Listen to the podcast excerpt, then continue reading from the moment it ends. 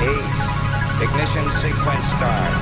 Five, four, three, two, one, zero. Quantum leap. Saut quantique. Salto quântico, salto quântico, salto quântico. Quantum Salto quantico. Salto quantico. Salto quantico. Kvanthopp, det du inte visste att du ville veta. Kära vänner, välkomna med i Kvanthopp. Markus Rosenlund, så heter jag. Eh, nu för tiden är det ju allt svårare att veta vad man egentligen ska tro på. Det talas om att vi lever i den postfaktiska världen, där var och en mer eller mindre kan bestämma vad som är sant, eller kan och kan, men många gör det hur som helst, oavsett om det är sant eller inte inklusive USAs nuvarande president. Vi ska i dagens kvanthopp titta närmare på en film som är aktuell just nu. Houston We Have A Problem heter den. Nej, den är inte gjord i Amerika, den är gjord i Slovenien. Och den handlar om när Kennedy köpte hela det jugoslaviska rymdprogrammet av Tito på 60-talet. Fast tekniken var defekt, Kennedy ville ha pengarna tillbaka, jugoslaverna blev förbannade och lät mörda Kennedy, CIA hämnades genom att se till att hela Jugoslavien föll sönder, sist och slutligen, etc. Nå, naturligtvis har inget av det här hänt på riktigt, men filmmakarna medger inte att deras film är fiktion. De vill få dig att tro att det här är vad som på riktigt skedde. Eller vill de? Trofazna raketa kad je bila dovršena poletjela je do stratosfere. Mi smo pa mogli prikriti eh, padec. Ja, den här filmen är hur som helst en stor internationell tittarsuccé och man undrar ju att hur många har svalt allt det här med hull och hår? Vi ska fundera lite kring det här, varför man vill upphöja myter till historiska fakta. Sedan finns det ju också ett annat sätt att presentera saker på som aldrig har hänt på riktigt men som kunde vara verklighet med hjälp av virtual verklighet. Eh, naturligtvis medger man då att det här inte är på riktigt. Petski Westerholm och Yles Kioski-team har skapat en virtual verklighetsversion av Helsingfors som är lika sönderbombad som Aleppo i Syrien.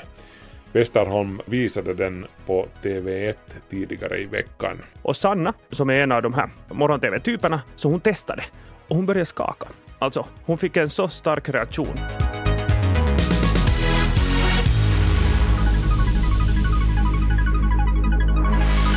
Hör mer om det här efter notiserna här i Kvanthopp.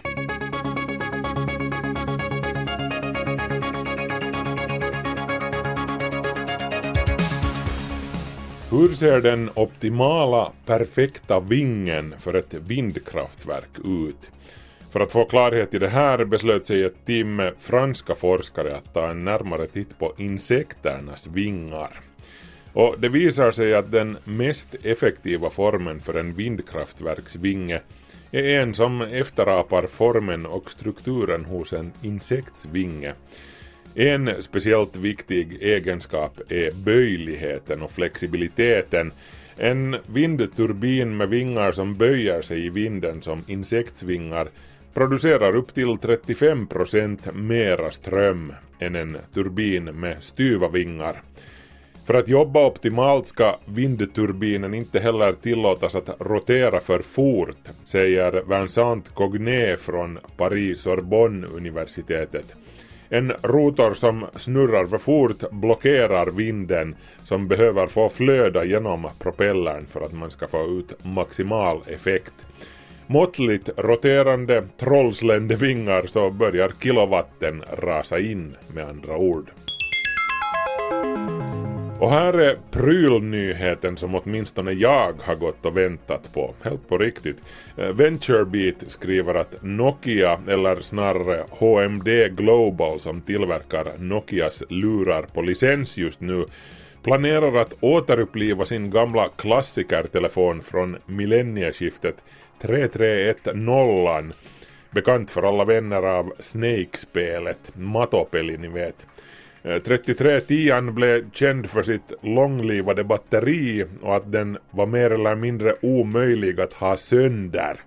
Eh, här hoppas jag faktiskt att HMD satsar på kvalitet så att Retro 3310 går att tappa i golvet lika sorglöst som ursprungsmodellen utan att den går i tusen bitar. Den nygamla 3310 ska lanseras på Mobile World Congress, MVC, i slutet av februari och priset sägs ska ligga kring 60 euro. Helt överkomligt alltså. Och snälla, säg att man inte kan logga in sig på Facebook och andra liknande grejer med den. För det var ju otroligt skönt. Jag var mycket mindre stressad på den tiden. Det enda du hade var sms och Snake-spelet. Indien har slagit ett nytt rekord i mängden satelliter uppskjutna till rymden i en och samma avfyrning. Det var i tisdags som raketen i fråga avfyrades från rymdcentret Satish-Dava med inte mindre än 104 satelliter med ombord. Och samtliga lyckades placera sig i omloppsbana som planerat. 104 satelliter, det är nästan tre gånger fler satelliter än det tidigare rekordet för en och samma uppskjutning. Raketens huvudsakliga frakt var den indiska Cartosat 2D, en kartläggningssatellit som ska underlätta stadsplanerarnas och kartritarnas jobb. Resten av satelliterna var små satelliter av CubeSat-typen i storlek med en skoask ungefär.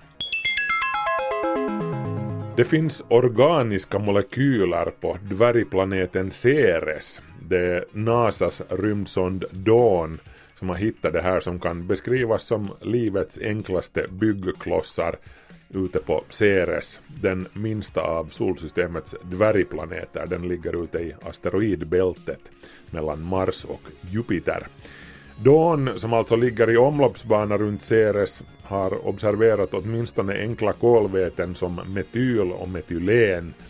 Och kombinerat med det faktum att det finns vatten i form av is på Ceres och att den sannolikt fortfarande är varm inuti sedan den bildades, eventuellt med flytande vatten under ytan, betyder det här att Ceres med ens kan räknas till ställena i solsystemet där det i princip kunde vara möjligt att hitta liv.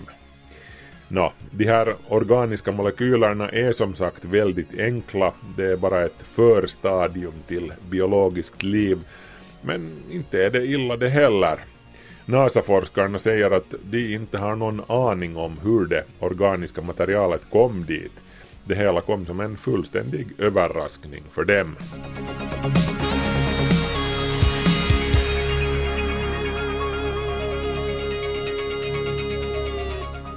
Vi ser ju ofta bilder på sönderbombade städer, ruiner snarare än städer, men få har koll på hur de har sett ut innan kriget kom till stan och hur hemsk förstörelsen faktiskt är för invånarna. Det här har Kioski på Yle och Tea Time Research försökt återge. De lanserade tidigare i veckan ett virtualverklighetsprojekt, VR kallas ju det här konceptet, Virtual Reality, som i det här fallet går ut på att vi får se hur Helsingfors skulle se ut om det var i samma skick som Aleppo är just nu, helt sönderbombat. Petski Westerholm var med och utvecklade projektet. Ted Urho från Vega huvudstadsregionens Morgonöppet snackade med Westerholm. Yle Vega. Eh, Du, du står i ditt hem som är det tryggaste du vet. Och så tittar du ut, eller jag vet inte, får några impulser och så är du bara sådär, vet du vad, jag måste dra. Det här, det här går inte. Jag måste ta alla mina barn vad jag nu har och bara dra. Kanske ta med mig telefonen men ingenting annat. Hur, hur kan man få en sån känsla åt en människa? För att vi läser ju faktorna. Vi läser liksom att i Aleppo, det ena med det tredje och nu bombar man igen och, och där är Ryssland och där är det ena med det tredje. Men den där empatin. Liksom, det är människor som du inte känner, som flyr från en stad som du inte liksom, har varit i. Hur kan du någonsin förstå att vad de har kommit, gått igenom när de kommer till exempel hit? Så, vi, eh, det finns en, en, vad heter vi har en, en vad, nu har jag glömt att översätta det här. Men det är äh, kokeellisten media kokemusten hautomo. Alltså en, en Think tank. en think tank för, för ska vi säga, morgondagens storyberättande som heter Yle Beta. Och de hade en liten grej. De sa så här, är det någon som har någon grej som man skulle kunna göra i VR? Och, och då ha en liten budget för det. Och jag var bara sådär, hell yes. Så vad vi gjorde var att om man inte kan ta Petski till Aleppo, vilket är ganska naturligt, så kan man ta delar av Aleppo och sätta det i Helsingfors. Och, och vår tanke är den att vi har, eh, vid tre smeder, så har vi egentligen förstört hela stället, så som de som nu återvänder till, till Aleppo eh, ser sitt ställe. Och vi har testat det på människor. Och det, det är ganska... Till exempel nu så var jag just i, i, i morgon-tv och Sanna, eh, som, som är en av de här vad heter det nu, morgon-tv-typerna, så hon testade och hon började skaka. Alltså, hon fick en så stark reaktion. Och om du tittar på ditt Helsingfors och tittar att jag måste dra någon annanstans, då, har, då tror jag att du har fått ens en liten sån här flash av vad det är att stå i Aleppo och vara bara sådär att fan, jag älskar det här stället, men jag måste dra. Om man, st- om man står alltså vid Tre Smeder i Helsingfors, absolut smällcentrum av Mhm. Helsingfors och tittar runt sig, så du har till exempel du har Forum, du har Stockmans, du har gamla studenthuset, du har Mm. stått Tre Smeder och sånt. Vad har ni gjort med de här byggnaderna alltså? Och statyer? Vad är det som har hänt där? Om vi säger så här, två och en halv smeder. Räcker det? Okej, okej, jag förstår Eh, jag, precis. jag förstår att många är sådär att men, men det här...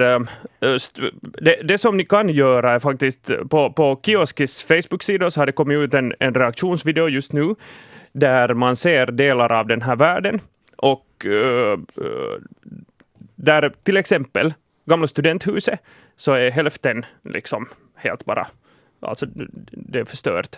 Hela Alexen så är bara, no, det är allt är förstört. Vi har bränt Stockman, jag vet, okej.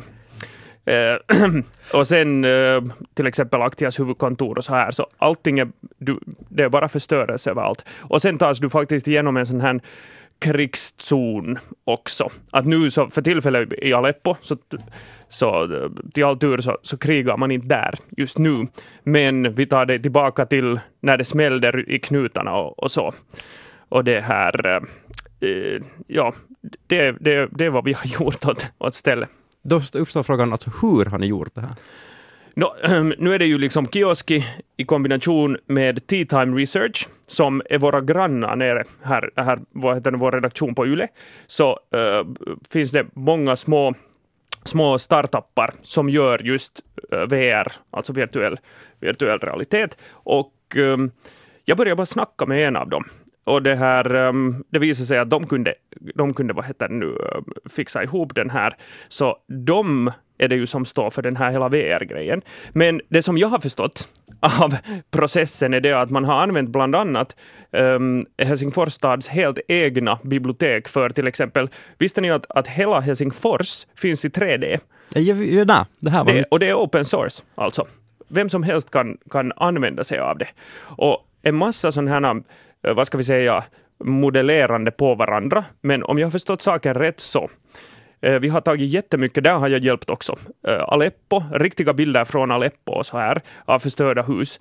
Och om ni tänker er jättemycket sådana bilder av förstörda hus. Och sen har vi en 3D-modell typ av Helsingfors. Och sen har några, Heiskanen som är geni, bara tejpade på liksom de, de husen och fasaderna och fått, sen när man, man sätter det ännu i, i, vad heter det nu, med hjälp av någon helt ny teknik, i, i, eh, i det här virtuell mode, alltså att du på riktigt perspektiven, du kan gå runt tre smeder, så uh, det är jätterealistiskt. Så det är olika krigsbilder. Jag, jag tror inte att det finns en enda bild faktiskt från, från då när Helsingfors faktiskt var i ruiner, utan det här är alla de som vi har tagit från bland annat Aleppo då. Jag är alltså med mig här i studion Peter Westerholm, bekant från Yle Kioski. Och det som ni har gjort är alltså ni har tagit tre smeder och gjort det till två och en halv smed och så har ni tuttat ett varuhus i brand där bredvid. Ehm, var kan man uppleva det här?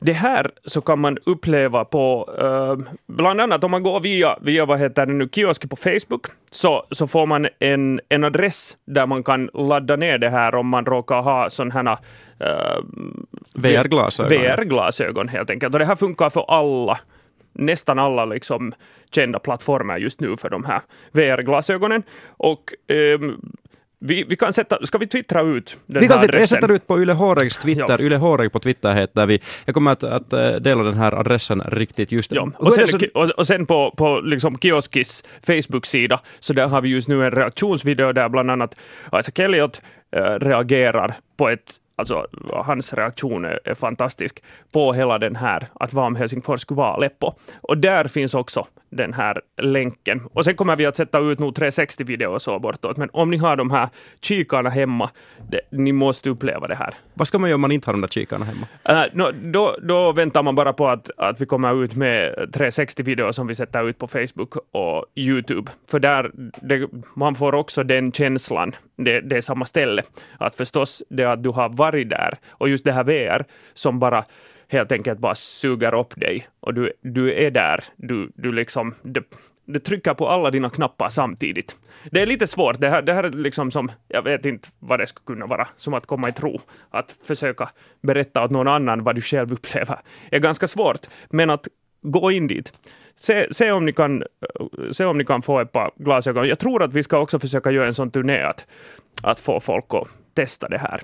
Det är lite som, den där, lite, lite som när rörliga bilder kom på 1890-talet. Peter Westerholm från Yle Kioski, tusen tack mannen som bombade Helsingfors. Det var Ted Urho från Vega, huvudstadsregionens morgonöppet, som talade med honom. Kvanthopp, det du inte visste att du ville veta.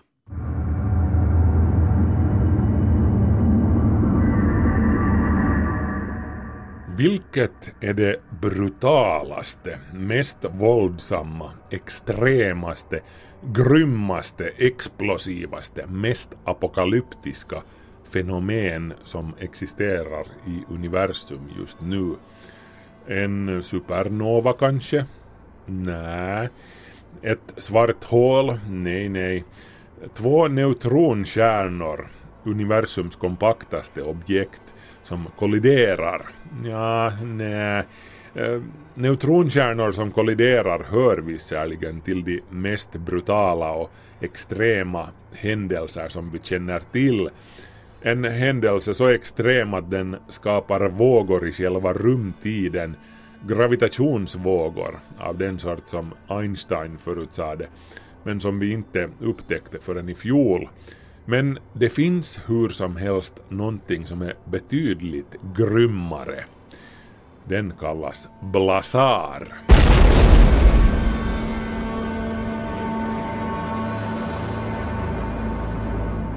B-L-A-Z-A-R. Blasarer är så våldsamma att de nästan är karikatyrer av sig själva. En blasar består av flera olika, var för sig supervåldsamma komponenter som tillsammans bildar den här kosmiska Chuck Norrisen, för er som är bekanta med, med, med amerikanska memes. En blazar består alltså av ett monstruöst supermassivt svart hål inuti en enorm roterande radioaktiv akkretionsskiva inuti en aktiv galax. Och om inte det här är brutalt nog så skjuter den dessutom ut relativistiska jetstrålar från det svarta hålets bägge poler. Tusentals eller rent av hundratusental ljusår långa svetslågor av plasma och de är riktade åt vårt håll dessutom. För att dela upp det här i munsbitar. Ett svart hål är ju en jättekärna som har kollapsat in i sig själv och som slukar allt som kommer i dess väg. För att bli ett svart hål måste kärnan ha en massa på minst fem gånger solens massa. Men de supermassiva hålen kan vara på bortåt en miljard solmassor. En akkretionsskiva i sin tur är den snabbt roterande diskusen av torterad materia som kretsar runt det supermassiva svarta hålet i sin dödsdans i väntan på att trilla ner i hålet. Den superheta skivan den formligen vrålar på hela det elektromagnetiska spektrumets alla våglängder. Så plågad är den. Akkretionsskivan är i princip en jättelik synkrotron uppemot tusen ljusår i genomskärning. Och sedan den tredje komponenten, en aktiv galax, det är kort sagt en galax som hyser en aktiv galaxkärna, AGN kallas det, en relativt kompakt region i galaxens mitt med ovanligt hög luminositet, inte minst på grund av den nämnda akkretionsskivan som snurrar där. Det behöver knappast nämnas att alla de här grejerna, både var för sig och tillsammans, är saker som man ska hålla sig på ett betryggande avstånd från. Vi snackar minst miljontals ljusår om man inte vill bli levande grillad med gammastrålning. Det här gäller inte minst för jetstrålarna alltså, som det supermassiva svarta hålet skjuter ut från sina poler. Det är verkligen inte en god idé att ställa sig framför en del av dem. Vilket de facto ju är exakt vad vi gör här på jorden. En blasar är per definition en sådan som riktar den ena av sina två jetstrålar rakt mot oss. Det är därför som den ser ut att lysa så otroligt kraftigt. Eh, då blasarerna först upptäcktes i slutet av 1950-talet, den här termen den myntades för övrigt 1978, blasar alltså, eh, då trodde man att de var variabla stjärnor, vanliga stjärnor men vars ljusmängd varierar, som låg relativt nära oss inom vår egen galax. Men sen insåg man att nähä, de är galaxer som är flera miljarder ljusår avlägsna men med ett helt vansinnigt kraftigt ljussken. Orsaken till att man misstog äh, blasarerna för variabla stjärnor är alltså att deras ljusstyrka ser ut att variera rätt snabbt med perioder på allt från några dagar till flera år, men utan regelbundenhet. Och att de ser ut att flämta lite de här kosmiska lyktorna, så det beror alltså på att vi stirrar rakt ner längs med den dansande jetstrålen. Men lyckligtvis som sagt från ett väldigt stort avstånd. Det är fullständigt omöjligt att beskriva kraften och dimensionerna i de här kosmiska eldkastarna som pepprar sin omgivning med gammastrålning och plasma som rör sig i nära ljusets hastighet. Helt nyligen meddelade NASA att deras Fermi-rymdteleskop hade upptäckt de mest avlägsna blasarerna hittills, inalles fem stycken av dem. Ropesh Oja, en av astronomerna bakom fyndet, konstaterade på presskonferensen där fyndet offentliggjordes att ljuset från dessa fem objekt startade sin resa när universum var bara barnet, mellan 1,9 och 1,4 miljarder år gammalt var universum.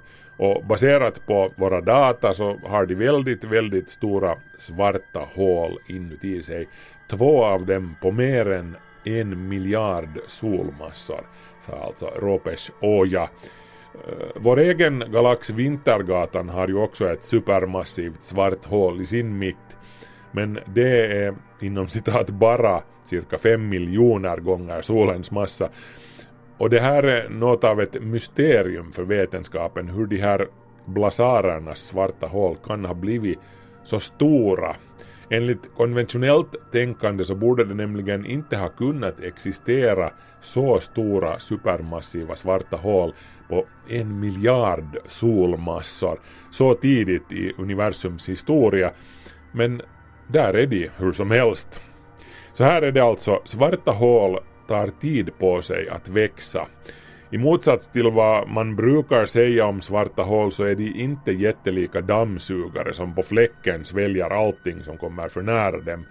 Tänk på dem mer som skålen i ett roulettebord. Det är här som den nämnda akkretionsskivan kommer in i bilden. Den jättelika roterande skivan av superhet, torterad, strålande materia är i princip en enda stor cirkelformad trafikstockning runt det svarta hålet. Ju närmare hålet materian kommer i den enorma helveteskarusellen, desto värre blir trängseln och desto mer saktas materian in innan den slutligen trillar ner i hålet.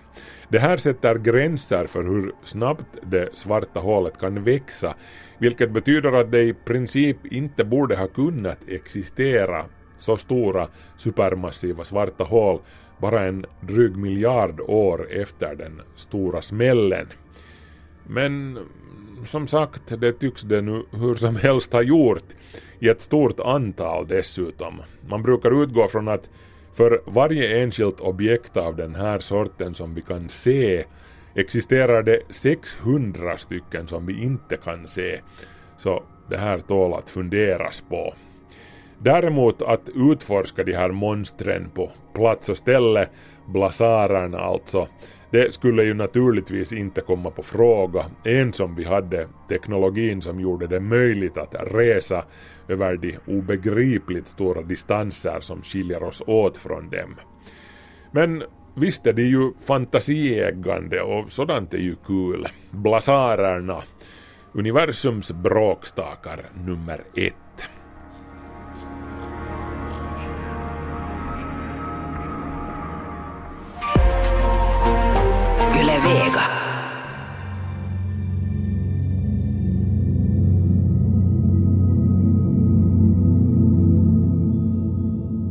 Tidigare i veckan var jag i TV-programmet Efter nio på Yle 5 och talade om plast.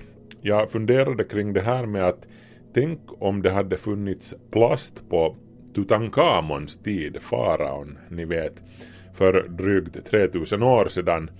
Hur skulle Tutankhamons legoklossar och tupperwareburkar och, och allt det här se ut idag om man, om man hittade dem i, i hans grav idag? Eller hans privata Airbus 380 flygplan. En Airbus A380 består faktiskt till 22% av plast, kolfiberarmerad plast. Nå, de skulle alla de här plastprylarna vara helt oförändrade naturligtvis. Och det spelar inte så stor roll om vi talar om Tutankhamons grav från dryga 3000 år tillbaka i tiden, eller om en av neandertalmänniskans grottor från 30 000 år tillbaka. Om de hade haft plastprylar så skulle de också vara fullständigt som nya när vi hittar dem idag. Tiden biter inte på plast, det är bara så. Ehm, de naturligt förekommande bakterierna på jorden har inte de enzymer som behövs för att bryta ned plast. Om plasten hade utvecklats för, säg nu, 10 miljoner år sedan, så då skulle det säkert finnas massvis med plastätande bakterier just nu. För tillfället finns det en handfull av plastätande bakterier som man har experimenterat med men ingenting som skulle jobba på global skala i den takt som skulle krävas för att äta upp all den plast som vi kastar omkring oss. Plast blev den mest producerade enskilda substansen på jorden 1976 och på den vägen är vi. Vi människor producerar närmare 300 miljoner ton plast varje år. En tredjedel av den mängden, 100 miljoner ton, hamnar mer eller mindre raka vägen i naturen, vilket förr eller senare betyder i havet. 8 miljoner ton åker raka vägen i havet. Så därför tror man att det kommer att finnas mer plast i världshaven än det finns fisk där år 2050 enligt en rapport som publicerades i fjol. Det är klart en del av plasten bryts ned av solens UV-strålning som hör till de få naturliga faktorerna som biter på plast. Den gör plasten skör helt enkelt, får den att brytas ner i mindre bitar. Men plasten försvinner ändå ingenstans från havet eller från naturen. Den mals bara till mindre beståndsdelar. Mikroplast kallas de här riktigt små plastpartiklarna på 5 millimeter eller mindre som flyter omkring i oceanerna. En stor del av den här mikroplasten är så liten att vi inte ens ser den med egna ögon och sedan inbillar vi oss kanske att den har försvunnit någonstans men nej, den är nog fortfarande där. All plast som någonsin har hamnat i havet finns fortfarande där. Tänk på det. Och sakta men säkert så vandrar den uppåt längs näringskedjan och, och vem sitter inte där högst uppe och gapar? Jo, vi.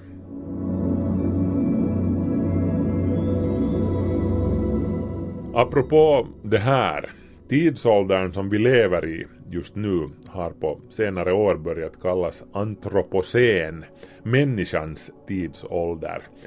Antropocen är inte ännu officiellt godkänd som en riktig epok, men det är antagligen bara en fråga om tid innan den blir det. Eh, hurdan tror ni att vår rand som vi lämnar efter oss i de geologiska sedimenten ser ut? Alla stora händelser på jorden, alla stora utdöenden och biologiska blomstringsperioder, eh, inklusive allt som vi sysslar med här på jorden just nu, allt det här lämnar ränder i jorden avlagringar som man senare kan läsa som en bok om man är en geolog.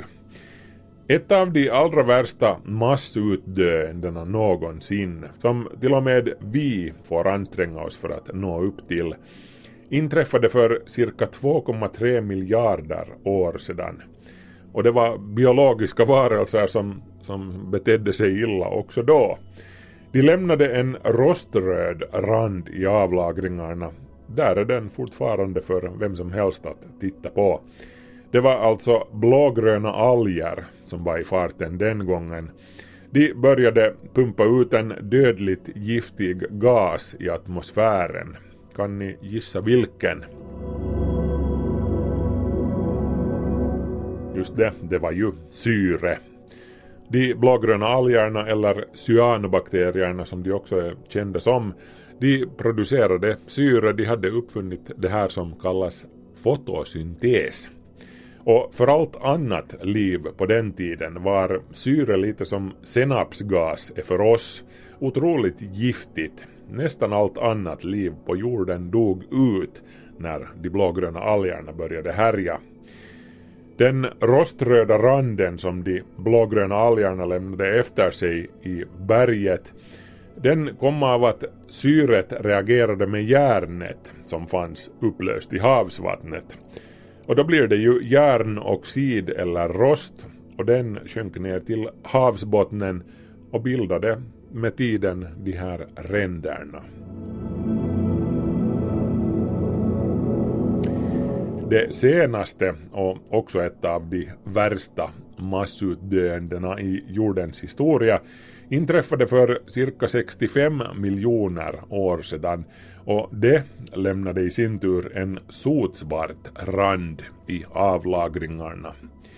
Iridiumhaltigt sot från jordens brinnande skogar.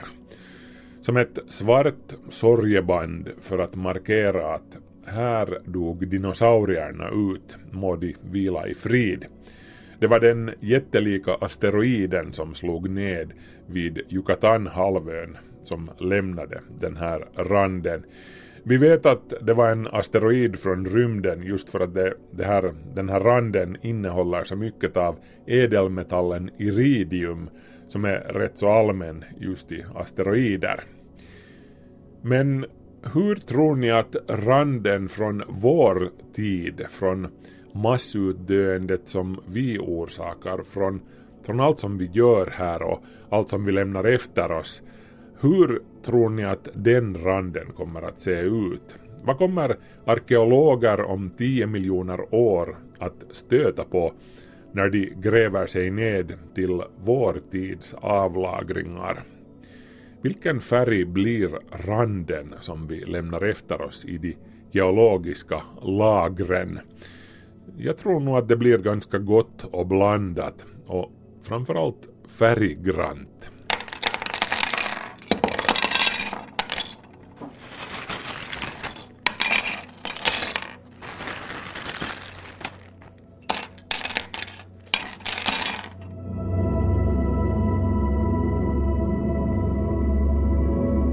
Dags att fråga sig själv vad är jag egentligen beredd att tro på? Hur mycket av det följande tror du till exempel att är sant eller inte?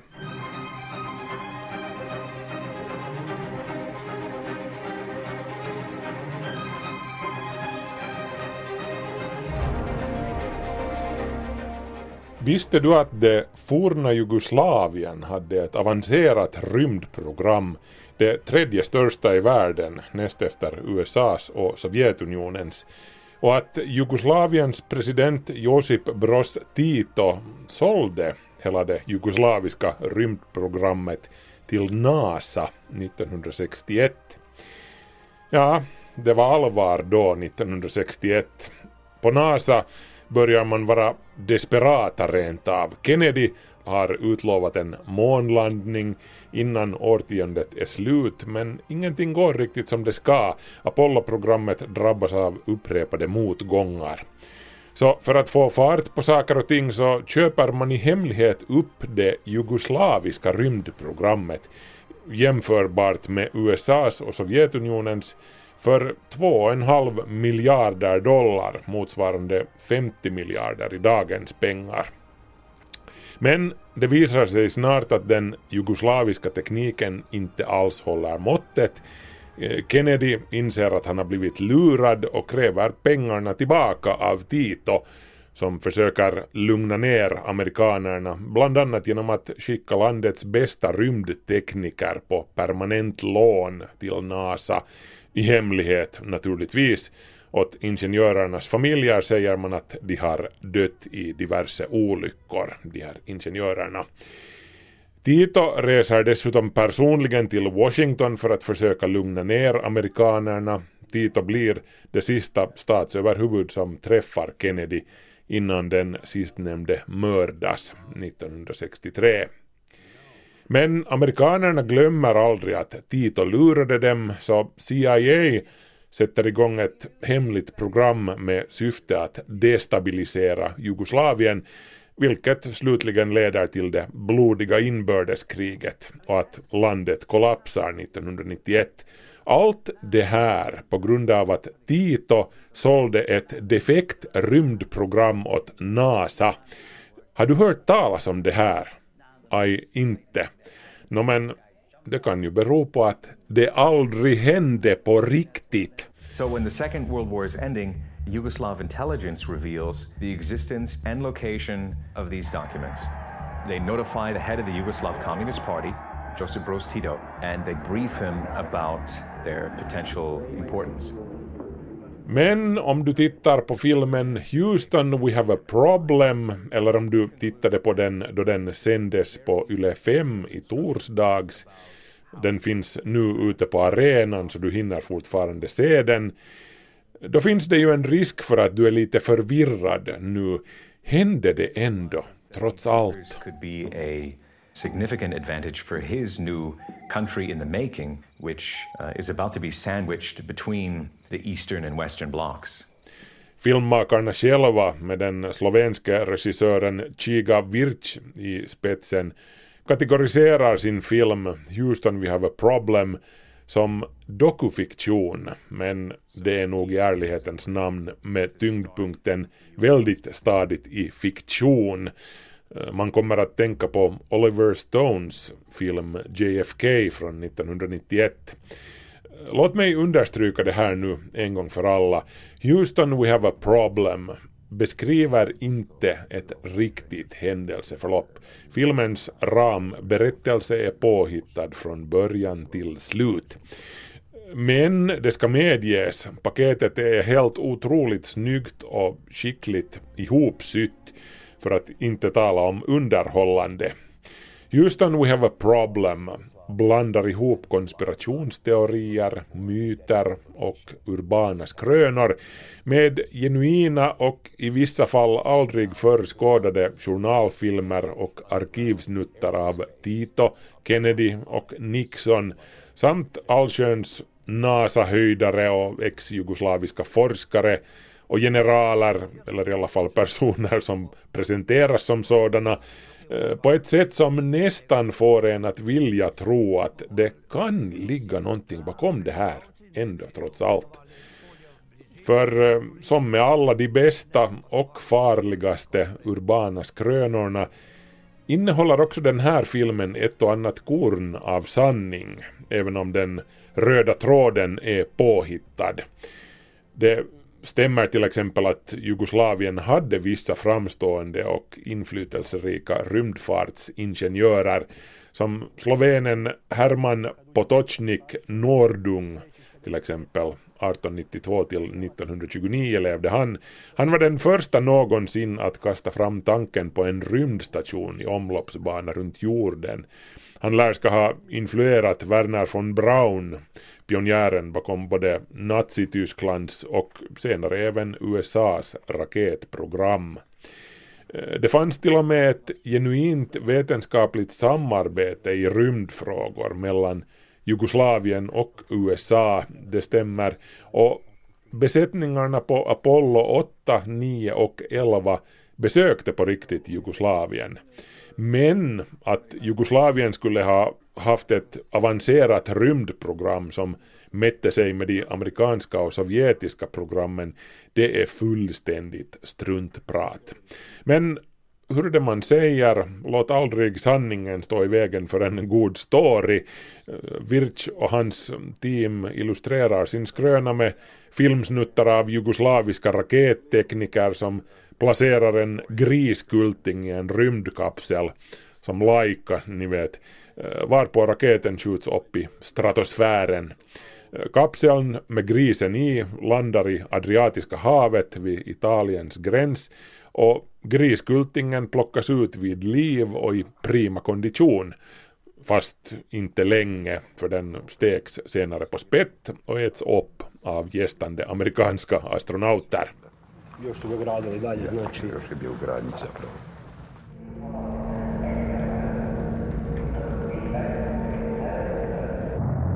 Jag tar det här en gång till så vi blir riktigt klara på den här punkten. Uh, Jugoslavien utförde aldrig några rakettester involverande grisar eller andra kreatur heller för den delen.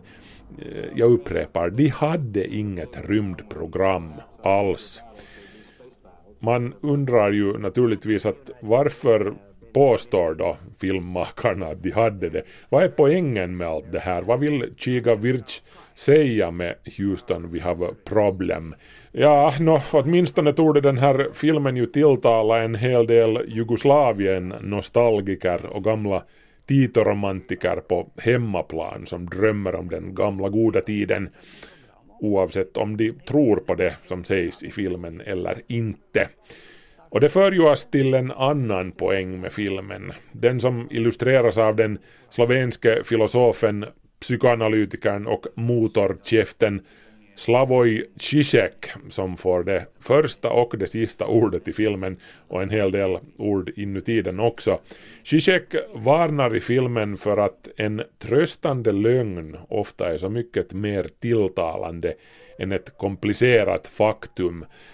Det är sant också om det inte hände på riktigt, säger Zizek. Kanske inte avsett som en direkt kommentar till själva filmen, men det är ju en inte så särdeles diskret vink till tittaren som undrar vad hen ska tro på egentligen av allt det här.